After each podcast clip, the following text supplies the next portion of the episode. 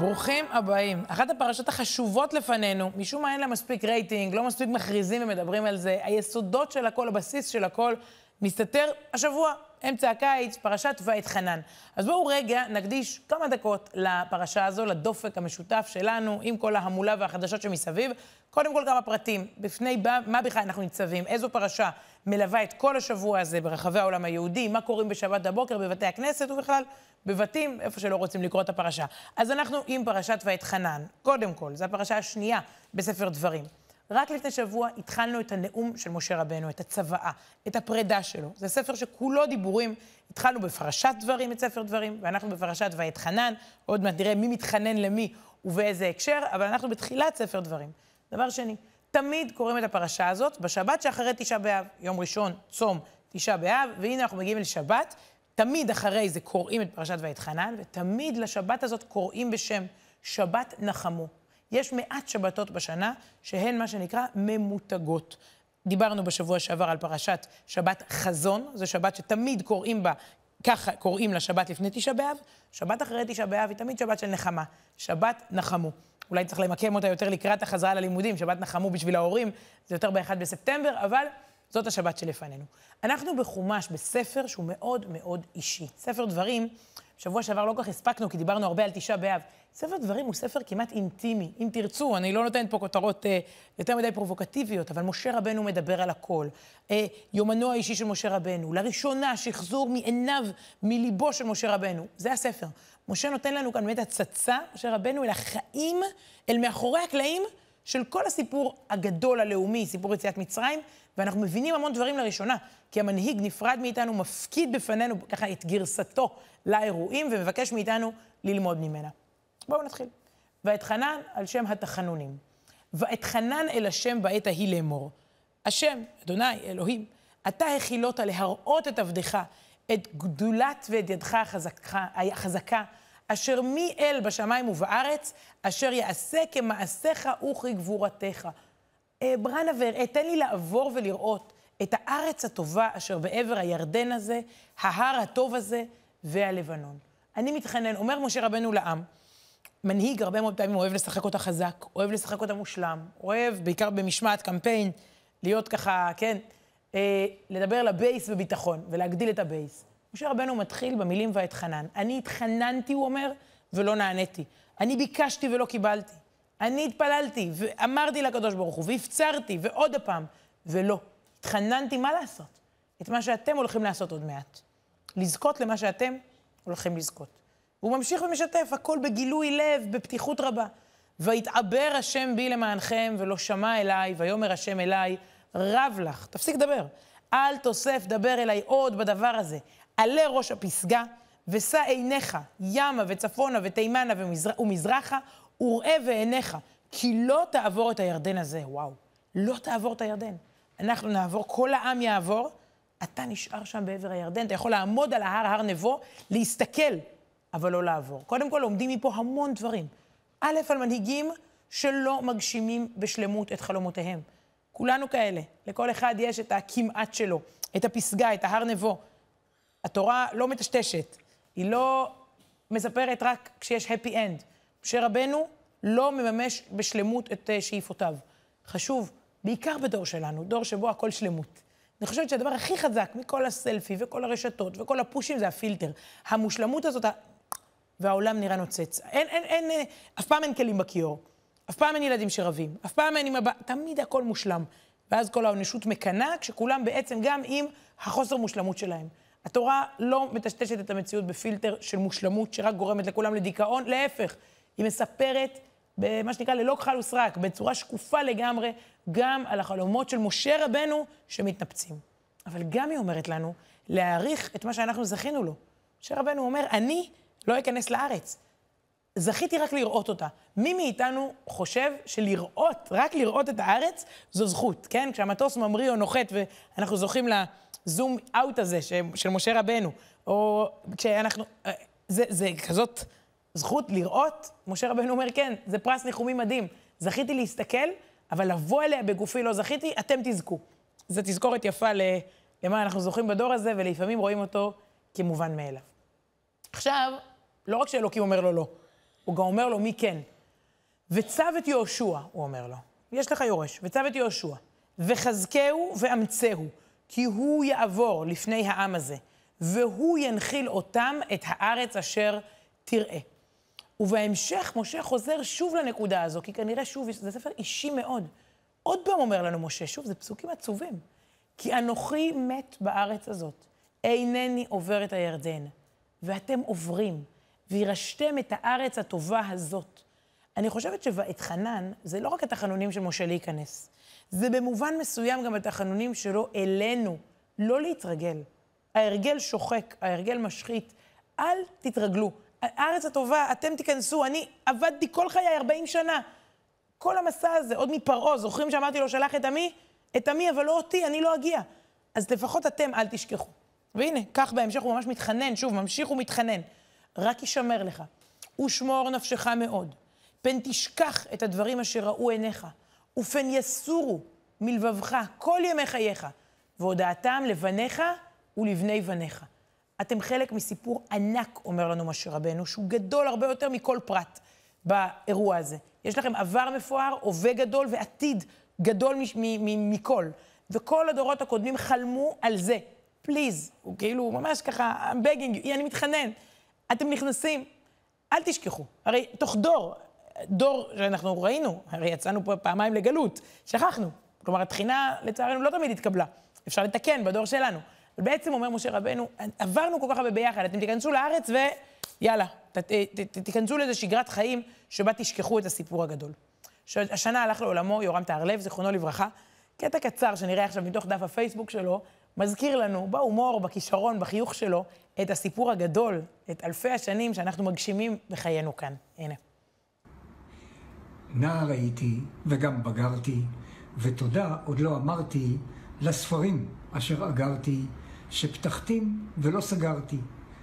לאבן שפרוט ואבן חסדאי ואבן גבירול, לאיש גרנדה הנגיד, המצביא הכל יכול, ולגרע אשר עטה את אדרת אליהו, לקדוש חיים ויטל אשר מלאך הורהו, לזוכר קדמוניות הנקרא בן מתתיהו, לגאון רבי, רבי סעדיה ואיתו רבינו אשי, ולרב שלמה יצחקי המדהיר סוסי פרשי, לשר יצחק אשר הנהיג את מגורשי איבריה, לשלה אשר הוריד את הלוחות לטבריה, לנבל ממרטנורה ההוא, הלא הוא אלוף משנה, שעלה וגם חנה בעיר שבה דוד חנה, למגיד מדובנה המושל על החומש, ולרב יהונתן במתק יערות הדבש, לישראל בן שרה הרועה מן הקרפטים, לנציב אשר ניצב לפרש רק את הפשטים, לחפץ חיים צמא ששתה מבאר מרים,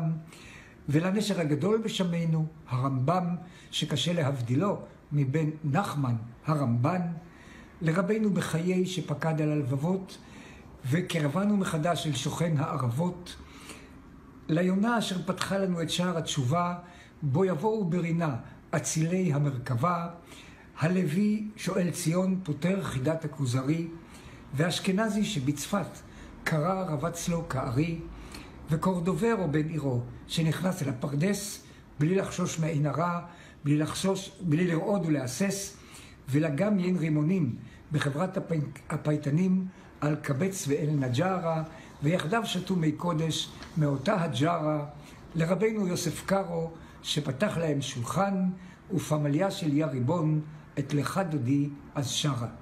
מי ייתן שרק נזכה ונבוא בקהלם, ואולי נכה על חטא, איך שכחנו את כולם, והנה את שמם הזכרנו בכבוד ואהבה, אז תאמרו לנו תודה שזכיתם במצווה. אז יורם תיארלב, זיכרונו לברכה, אומר, בואו נכה על חטא. אם שכחנו אותם, הזדמנות להזכיר. אפשר גם בכלל לעשות חידון, לראות את הקטע הזה ולראות כמה מהחכמים האלה אנחנו אישית יודעים, כמה מהאזכורים שלו אנחנו בכלל יודעים על מה הוא מדבר שם. עד כאן התחינה של משה רבנו, תחינה כלפי מעלה לקדוש ברוך הוא להיכנס, תחינה שלא נענית, תחינה אלינו, לא לשכוח אותו ואת מסריו, תחינה שאנחנו בכל רגע בוחרים אם להיענות אליה או לא. אבל מה אם נפשל? מה אם לא נלך בדרך הנכונה? מה אם העם לא ימלא את הצוואה, את הציפיות הכל כך גדולות של משה מאיתנו? פה אנחנו אה, ממש בסקופ, בחשיפה ראשונית, מכירים מושג שמוזכר לראשונה בתורה, תשובה. היכולת לתקן. נניח שחלילה שכחת ולא זכרת. נניח שלא עשינו בדיוק את מה שהיינו אמורים לעשות. יש פה חידוש, אפשר לתקן, אפשר לנצח לעשות איזה U-turn, איזה undo, איזה delete, איזה refresh, איזה restart, לא יודעת בדיוק באיזה מהמשלים האלה להסביר את העובדה שאפשר להתחיל מחדש. ובלשון הפרשה, ואגב, המון המון פרשנים מרחיבים ומעריכים פה, בעצם מה שאפשר להרגיש את ההתלהבות שלהם בכל הדורות, בכל הגלויות, התשובה יורדת לעולם. משה רבנו מספר לנו שאפשר לתקן. בצר לך, כן? אתה מגיע לצרה. ומצאוך כל הדברים האלה באחרית הימים. העם עוד יג... יצא לגלות ויחטוף פוגרומים ושואה ומה לא, לאורך השנים, רדיפות והרבה מאוד מצוקות גם אישיות. אז מה יקרה? ושבת, זה אפשרי. ושבת עד השם אלוקיך, ושמעת בקולו, כי אל רחום השם אלוקיך, לא ירפך ולא ישחיתך ולא ישכח את ברית אבותיך, אשר נשבע להם. ושבת, וואו, זה אפשרי. מדברים בפעם הראשונה על האפשרות לשוב. גם אם התרחקת, וגם אם קלקלת, וגם אם שכחת, וגם אם באמת אה, אכזבת ברמה הגבוהה ביותר שיש, יצאת לגלות, אתה יכול לחזור. יש בעולם הזה רחמים, ויש סליחה, ויש מחילה, ומשה רבנו נפרד מאיתנו עם הסוד הזה. יש ברית אבות שלא תישכח לעולם. אולי זה גם קצת רומז לחודש אלול, מריחים ככה את אלול שמתקרב, או שרק אה, אני מריחה את ספטמבר בעיקר, שמגיע, יש, יש גאולה. אבל אפשר למחוק, אפשר לתקן, אפשר להתחיל מחדש, יש. והדבר הזה קשור גם להפטרה, לא רק לפרשה שקוראים, אחרי שקוראים מן התורה, קוראים מן הנביאים. וזה נקרא הפטרה, ואמרנו שקוראים לשבת הזאת שבת נחמו. זה שבת של נחמה. היא מבשרת לנו על היכולת של כולנו, של ירושלים ושל כל פרט ושל כל האומה, להתנחם ולחזור אחרי תשעה באב, אחרי כל החורבן והאבל, שימו לב, את המילים היפות האלה, שימו לב למילים האלה שפותחות את ההפטרה של שבת נחמו. הנביא אומר לנו, נחמו, נחמו עמי, יאמר אלוקיכם, דברו על לב ירושלים. פעמיים נחמו. יש בעולם הזה נחמה ותשובה ואפשר, ומשה רבנו במובן מסוים, ראינו קודם שהוא אנושי, נכון, הוא מספר לנו על, בעצם על כישלון חייו. הוא בא, הוא בא להכניס אותנו לארץ, החלום מתגשם, אבל בלעדיו. בעצם, שוב, החלום הוא גדול מהאדם הפרטי, אבל הוא מספר בגילוי לב על זה, עכשיו הוא גם יודע שאנחנו לא מושלמים. גם לנו יהיו פשלות, ונתברבר בדרך, ונחטא, ואפשר גם לשוב. אז בעצם יש פה איזושהי, שוב, אה, אה, הרבה מאוד דברים בפרשה הזאת קורים לראשונה. גם הגילוי האישי של משה, גם התשובה. ועכשיו, עשרת הדיברות. נכון, קיבלנו אותם בהר סיני, אה, בפרשות שמה, אבל אם נכנסים לארץ, צריך לרענן נהלים, על, ה, על העיקר צריך לחזור. ומשה רבנו אה, מספר, בעצם חוזר על עשרת הדיברות, קיבלנו אותם בזמנו במדבר, פרשת יתרו, אנחנו פרשת ואתחנן, עוד פעם מתייצבים למרגלות הר סיני, בציור המפורסם, במעמד המפורסם, ועוד פעם משה רבנו חוזר באוזנינו, עיקרון אחרי עיקרון, ממש ככה, משפט מכונן אחרי משפט מכונן, אחרי כל עשרת העקרונות שהנחלנו במובן מסוים לעולם כולו. אם זה לנצרות, ואם זה לאסלאם, ואם זה לתרבות המערבית, לעולם הגלובלי בכלל, טקסט שנקרא טקסט די מכונן, כן? אני לא צריך את המחמאות שלי להסביר מה זה עשרת הדיברות. בכלל האייקון הזה של שני לוחות הברית. בואו נעבור בקצרה, אבל נעשה איזשהו ניסוי ברשותכם. אני, לבושתי, רק השנה שמתי לב לזה. מה המילה המנחה בעשרת הדיברות? מה המילה שחוזרת, סליחה, יש כאלה שהמילים מילה מנחה, זה דז'ה וו לתיכון, זה עושה להם רע, שיעורי תנ"ך, אוקיי. מה המילה שחוזרת הכי הרבה בעשרת הדיברות? קחו שנייה לחשוב בבית, ובואו נעבור רגע על כל עשרת הדיברות, ננסה לאתר את המילה שחוזרת הכי הרבה בטקסט שהוא בעצם אולי הכי חשוב ובסיסי. אז בואו נלך ככה אה, פסוק אחרי פסוק ונראה, אנוכי השם אלוקיך, אשר הוצאתיך מארץ מצרים מבית עבדים, לא, רמז, שימו לב למילה לא, אוקיי, נעשה את זה עם ספוילר, לא יהיה לך אלוקים אחרים על פניי. כלומר, איזושהי הצהרה שאומרת, אני מוציא אותך ממצרים, לא רק אז, אלא אני ממשיך ומוציא אותך אה, משעבוד כל הזמן. ואז לא תעשה לך פסל ו- וכל תמונה אשר בשמיים ממעל, אשר בארץ מתחת, ואשר בעצם לא להשתעבד לפסל, לעבודה זרה. הנה המילה לא כבר חזרה פעמיים. ואנחנו ממשיכים במורד עשרת הדיברות, לא תשתחווה להן, ולא תעבדם, כי אנוכי השם אלוקיך. וגם, אה, יש פה תיאור שלם אה, של, של הקדוש ברוך הוא, של המידות המלאות, החסד שלו. ממשיכים הלאה, אנחנו קוראים שלוש, אה, ארבע פעמים המילה לא חזרה על עצמה, ואז אנחנו אה, רואים, נבקש, כנראה הבמאי שלנו מתעכב על עשרת הדיברות באופן מיוחד, רוצה להפנים אותם, לא תישא את שם השם אלוקיך לשווא, כי לא ינקה השם את אשר יישא את שמו לשווא, הקדושה של הדיבור, של שמו של הקדוש ברוך הוא, של להישבע, של להבטיח. אנחנו כבר לדעתי בחמש או בשש פעמים, אפילו כשאנחנו מצווים על השבת, שמור את יום השבת לקדשו, אם תשימו לב, בשורה השלישית, לא תעשה כל מלאכה, וכמובן לזכור את יציאת מצרים, את העבדות, לתת איזשהו יום של גאולה גם לגוף וגם לנפש. סיימנו עם החמש הראשונות, בעצם הצד הראשון של עשרת הדיברות, ובצד השני כמובן שהמילה לא תחזור על עצמך שוב ושוב. רגע, רגע, סליחה, סיימנו עכשיו, כבד את אביך ואת אמך, חד משמעית. ועכשיו כשאנחנו עוברים הלאה, אחרי כבד את אביך ואת אמך, אל הצד של הלא, לא, לא, לא, אנחנו אה, באמת לא קשה כבר לאתר את המילה המנחה, נמשיך ונראה. יש לנו שם גם את לא תרצח, וגם את לא תגנוב, אה, וגם את לא תנאף, ולא תענה ורעך את שקר, ולא תחמוד, ולא תתאווה, ואם אנחנו נסכם את המסע הזה שעשינו, אז מי שספר ועקב גילה 13 פעמים את המילה לא. 13. יותר משיש לנו דיברות, 10, יש לנו לא, 13. האם יכול להיות שלפני הכל באנו לבשר לעולם שיש כן ולא? שיש מותר ואסור, בעולם שלפעמים מאבד לגמרי את היכולת לומר, זה נכון וזה לא נכון. הכל נרטיבים. אין צדק, אין אמת, אין שחור, אין לבן. אנחנו רואים כמה קשה לדמוקרטיות להתגונן מול משטרים דיקטטוריים, כמה קשה לפעמים לנו להילחם בטרור, כל אחד והאמת שלו, כל אחד... כמה קשה בסמכות הורית מול ילדים. לא, זה פשוט לא. אנחנו יודעים שפעם היה הרבה יותר קל ב- ב- אה, אה, להעביר סמכות לדור הבא, והיום כאילו הכל פתוח. באות, בא הטקסט הזה, עשרת הדיברות. הוא אומר, קודם כל, יש בעולם כן ולא. לא תרצח, כי החיים קדושים, ולא תגנוב, כי הרכוש קדוש, ולא, ולא, ולא, ולא, ודי, כאילו זה מבאס, מה, באתם לבאס אותנו? בלי לא אין גם כן. במובן מסוים, הפרשה מזכירה לנו, וערב הכניסה לארץ, כמו שמזכיר לנו, בלי גבולות לא תצליחו לספר פה את הסיפור המשותף. אבל אי אפשר להישאר רק בלא. הלא מייצר חברה שיש לה גם משמעות, וטוב, וכן, אבל זה, זה באמת נכון. התורה לא מדברת על זכויות, היא יותר מדברת על חובות. כלומר, היא לא תגיד על הזכות שלי לחיים, היא תדבר על החובה שלך לא, לא לרצוח. היא לא תגיד הזכות שלי לרכוש, היא יותר תגיד החובה שלך לא לגנוב. אה, היא לא תגיד להורים, הזכות שלי לכבוד. היא תגיד לילדים, כבד את אביך ואת אמך. הזכות שלי לנוח. היא תגיד לי, לא תעביד את העובד בשבת, וכולי וכולי. אבל הלא הזה מייצר בסוף חברה שיש לה כן, שיש לה מסר, שיש לה, לה איזושהי אמירה, וזה בדיוק מה שמשה רבנו מבקש מאיתנו ערב הכניסה לארץ, לכונן פה חברה, אה, בטח אחרי תשעה באב, שבת נחמו, עם ההסתכלות קדימה, אה, חברה שיש לה סיפור משותף גדול. אני רוצה להראות אה, אה, סרטון שעשו בתנועת אה, ערבות על הסיפור המשותף שלנו, איך אפשר לספר אותו מצד אחד, ואיך זאת בחירה שלנו לספר אותו גם מצד שני. הנה. אלה החיים שלנו, עם ישראל.